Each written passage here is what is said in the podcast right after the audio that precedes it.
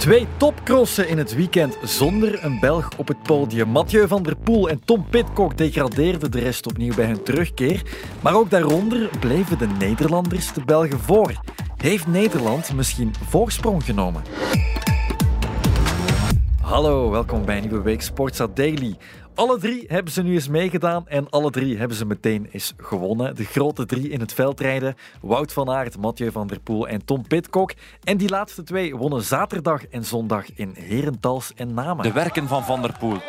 Hij is ermee weg, jong. Hij gaat niet meer achterom kijken en dan is het eigenlijk van start tot, tot finish. De citadel van Namen is in het verleden de voorbije eeuwen in Spaanse, Oostenrijkse, Franse en Nederlandse handen geweest. Vandaag is hij in Britse handen. Pitcock wint. En daarachter geen Elie Iserbiet of Michael van Toerenhout, maar wel telkens andere Nederlanders. Lars van der Haar als derde in Namen, Pim Ronhaar en Joris Nieuwenhuis 2 en 3 in Herentals. Geen Belgen daar? Uh, ja, ook opgevallen natuurlijk. Volgens mij, als ik het goed uh, heb gelezen, uh, is dat al van heel lang geleden dat dat niet gebeurd is. Thijs Al, co-commentator bij NOS, is het ook opgevallen. Samen met Joris Nieuwenhuis schetst hij de nieuwe Nederlandse golf in het veldrijden. Thijs Al, 43 jaar oud. Oud veldrijder, oud wielrenner, oud mountainbiker.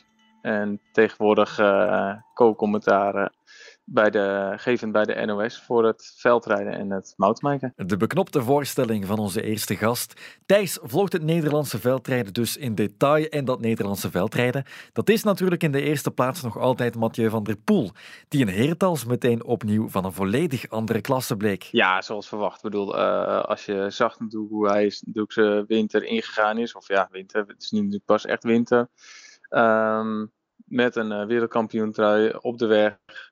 Um, ja, de extra dosis uh, zelfvertrouwen en extra dosis uh, ja, zin om weer het veld in te duiken. En je, ja, je zag hem met plezier in Spanje trainen. Dan weet je eigenlijk wel dat het goed gaat komen. Van der Poel rijdt opnieuw met goesting rond in het veld. Dat is mooi en misschien ook wel omdat hij ziet dat zijn landgenoten het goed doen dit jaar. Lars van der Haar is zoals altijd op niveau, maar met Pim Ronhaar en Joris Nieuwenhuis krijgt Nederland er dit jaar twee toppers bij allemaal in dezelfde ploeg bij Balwaze Track Lines. Ja, zeker weten. Ja, Joris uh, zat natuurlijk vorig jaar de, heeft hij natuurlijk de keuze gemaakt van nou, ik ga volledig voor het, uh, voor het veld. Dus ik ga, uh, nou, ik, ik zeg de weg vaarwel. Um, ja, en gaat nu pas natuurlijk zijn echte eerste winter in met de juiste voorbereiding. En ja, door eigenlijk nog een blessure voor het seizoen of in het seizoen eigenlijk en ziek geweest zijn, ja, komt nu pas echt ja, de beste Joris naar boven. En ik denk dat ja, Pim Rona gewoon ja, ex, ja, heel veel van de vruchten proeft van het teams op zich, van Ballewaarse Trek. En ook uh, zich heel erg omhoog kan trekken met een last van de haar. Met drie sterk dus en Joris Nieuwenhuis daartussen misschien als de revelatie. 27 is hij en hij keerde pas dit seizoen volledig terug naar het veld. Na jarenlang de combinatie gemaakt te hebben met de weg. Ja, ik, ik had een doel voor ogen uh, voor het seizoen. Eigenlijk al nadat het vorige seizoen uh, gestopt was.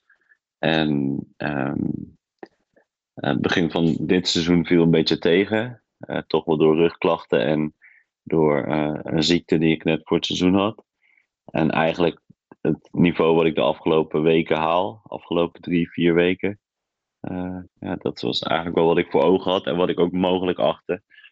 Dus ik ben heel blij dat het, dat het er ook echt uitkomt. Die keuze heeft dus goed uitgepakt voor Nieuwe Huis. Maar van de weg terugkeren naar het veld, daar keken ze in Nederland wel wat raar van op. Ja, toch wel. Uh, ik denk niet dat iedereen het meteen begreep op dat moment. Vooral ook om, omdat ik natuurlijk uh, in het veld al een paar jaar niet veel had laten zien. Um, maar aan de andere kant heb ik daar ook niet veel negatieve reacties op of zo op gehad verder. Um, en vooral nu uh, merk je toch wel dat heel veel zeggen van ja, eigenlijk vinden ze het veldrijden nog veel mooier om te kijken dan, dan zo'n wegwedstrijd. Voilà, de twijfelaars in Nederland zijn nu wel overtuigd, want Nieuwenhuis, wereldkampioen bij de belofte in 2017, is heel vlot en heel snel aangepast aan zijn nieuwe status. Thijs al beschrijft hem. Hij heeft een onwijs goede techniek, zelfs voor iemand voor zijn lengte. Um, ja, dat zien we ook uh, met een Val d'Isol, waar natuurlijk uh, continu eigenlijk op het randje balanceren is. Uh, grip vinden, um, balanceren. En ik denk dat hij dat uitstekend heeft laten zien. Hij is de ijskoning van Val di Sole. Het is een coole kikker, maar vandaag was hij vooral onwaarschijnlijk sterk in de sneeuw hier in Italië. Joris Nieuwenhuis met zijn eerste wereldbekerzege in zijn carrière.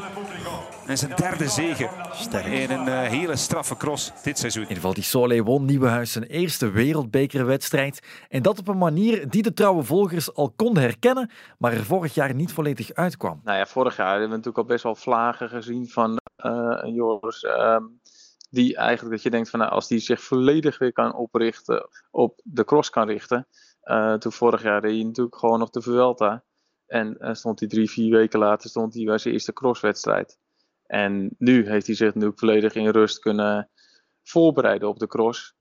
Ja, en dan rij je ook veel meer met je eigen tegenstanders. En ook train je daarmee. Ja, en dan merk je dat het, dat het uh, flinke stap vooruit gaat. En voor hem ging het eigenlijk nog niet snel genoeg. Um, dus uh, denk de bevestiging in de Super wedstrijden en de Wereldbeker die hij nu gewonnen heeft, dan weet hij nu wel van, nou, nu gaat het echt goed. Ik bedoel, als je uiteindelijk wint, uh, en vooral de manier waarop hij wint in Val d'Isol, ja, daar kan je weinig meer over zeggen natuurlijk. Het gaat dus goed voor Nederland met dat blok bij Balwaze Trek en de drie leren ook van elkaar.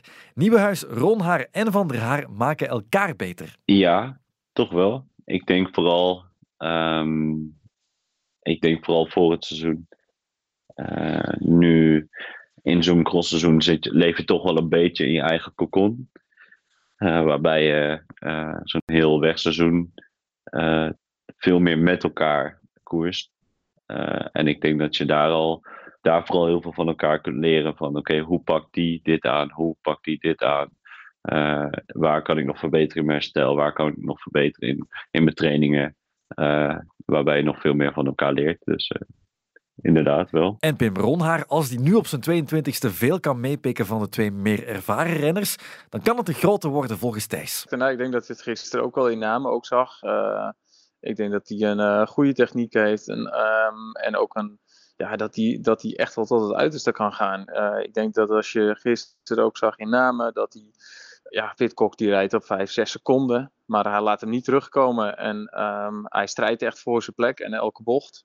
En ik dat dat wel tekend is uh, voor hoe hij in de ronde rijdt. En ja, ik vind het mooi dat hij het niet zomaar opgeeft. Dus ja, hij weet uh, misschien uh, die van binnen ook wel dat een, een Pitcock een veel sterkere renner is. Maar ja, hij heeft zijn huid wel echt duur verkocht gisteren. En zo kunnen de Noorderburen met een sterk blok onder Mathieu van der Poel sterk concurreren met de Belgen. En zoals nu ook afstand nemen.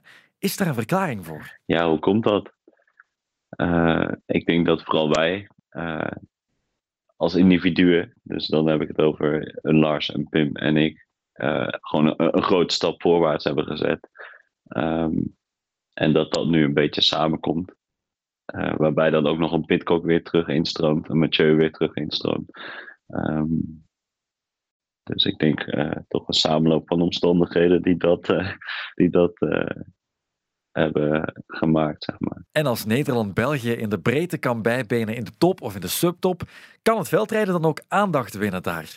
Kan de crossgekte die we bij ons kennen ook in Nederland ontwikkelen op de korte termijn? Ja, nou ja, dat, uh, dat, dat zal nooit zo worden als in, uh, als in België natuurlijk. Uh, ik bedoel, ja, in Nederland weet men echt niet wie Pim Ronaar is. Ja, ik denk dat als hij nu in Hellendoor in, in rondloopt, dat iedereen hem wel herkent. Maar ja, gaat hij naar een, willekeurige grote stad bij hem in de buurt toe uh, en loopt hij daar rond, dan is niemand die uh, zegt, oh Pim, uh, mag ik op de foto?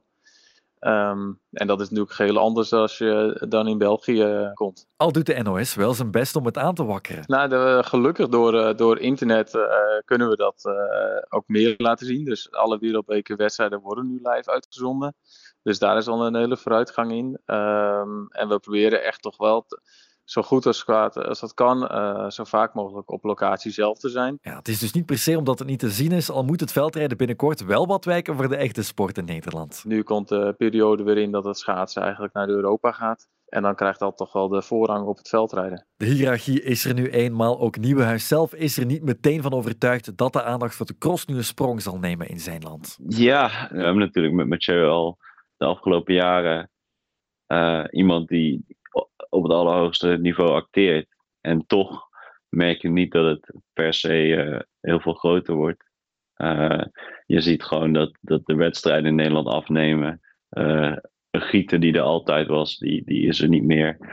Ehm, dus ja, ik, ik weet niet per se waar dat dan ligt. Ehm, maar de, de belevenis in België, daar gaan wij niet uh, in de buurt komen. Nee. Die is nu ook eenmaal uniek. Goed, de Nederlandse hoogconjunctuur is er op dit moment wel in het veld, maar de aandacht volgt niet meteen, al kan het volgens een optimistische co-commentator wel. Nou, ik denk dat het altijd wel groter kan worden. Dus, uh, en dat heeft natuurlijk ook met, uh, met de mannen die er daar meedoen. kijk, een Van der Poel die terugkomt. Uh, maar dat toch geen, ja, natuurlijk denken we allemaal, het is een zekerheid dat hij wint. Maar dan moeten we het toch maar eventjes doen. En hetzelfde als gisteren met Pitcock. Uh, maar ik denk dat voornamelijk als de verrassingen blijven komen. Uh, Ronald heeft al twee wereldbekers gewonnen. Uh, Nieuwhuis eentje. Ja, uh, wat dat betreft. dan hebben we natuurlijk gewoon de vaste waarde als een Van der Haar. Die al, nou ja, 12, 13 jaar meedraait op het hoogste niveau. Um, ja, vind ik wel dat we met nu drie vaandeldragers bij de mannen alleen al. Dus uh, de vrouwen de, hebben ze natuurlijk al langer eigenlijk de hiërarchie eigenlijk, uh, die er is. Ja, denk ik dat we daar wel genoeg aan, aandacht aan kunnen geven. Bij de vrouwen is de Nederlandse dominantie al even compleet. Bij de mannen scharen ze zich nu ook steeds meer bij de top. Maar dat betekent voor Nieuwenhuis niet dat de Nederlandse klan bij de mannen de Belgische in de toekomst sportief zou overvleugelen. Uh, op de lange termijn denk ik niet, eerlijk gezegd. Um, omdat, vooral omdat de cultuur in België gewoon, uh, de crosscultuur daar nog veel meer leeft. Dus jongens zullen eerder geneigd zijn om, uh, om in het veldrijden te blijven. Uh, dat zie je natuurlijk ook met andere landen. Een, Zwitserland waar, waar jongens toch iets sneller zou, zullen kiezen voor het mountainbike bijvoorbeeld. dus ik verwacht niet dat dat dat het uh, per se op de lange termijn uh, Nederlands gaat kleuren. Voilà, dan kunnen de fans bij ons voorlopig op hun twee oren slapen. En het is ook waar, met de junioren en de belofte wel gewoon Belgen op het podium als we ook daar puur naar herentals en namen kijken. Geen zorgen, lijkt Joris Nieuwenhuis wel te zeggen. Tot morgen voor een nieuwe Sportsa Daily.